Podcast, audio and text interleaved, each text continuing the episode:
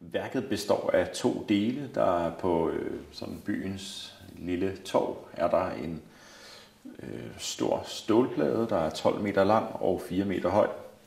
Og i den her stålplade er der udstanset 37 brønddæksler, som bliver spredt ud over hele Hjallerup og erstatter de nuværende brønddæksler med dem, vi har udstanset af den store stålplade.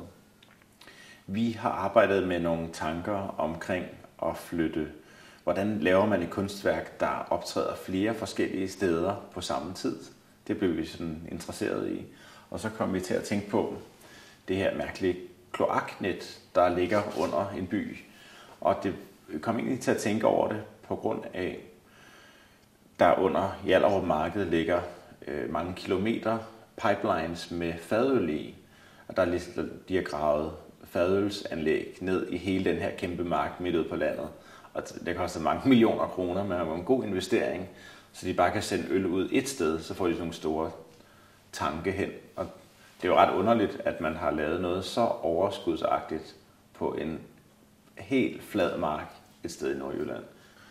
Øh, øh, men så tænker vi på nogle andre systemer, der gennemgår, eller der ligger under den her by, og blev så interesseret i deres kloakdæksler, øh, og, og fandt ud af, hvordan, hvordan kan man lave sådan en, en såkaldt rigtig skulptur på torvet, der sådan forbinder de her forskellige punkter ude i byen.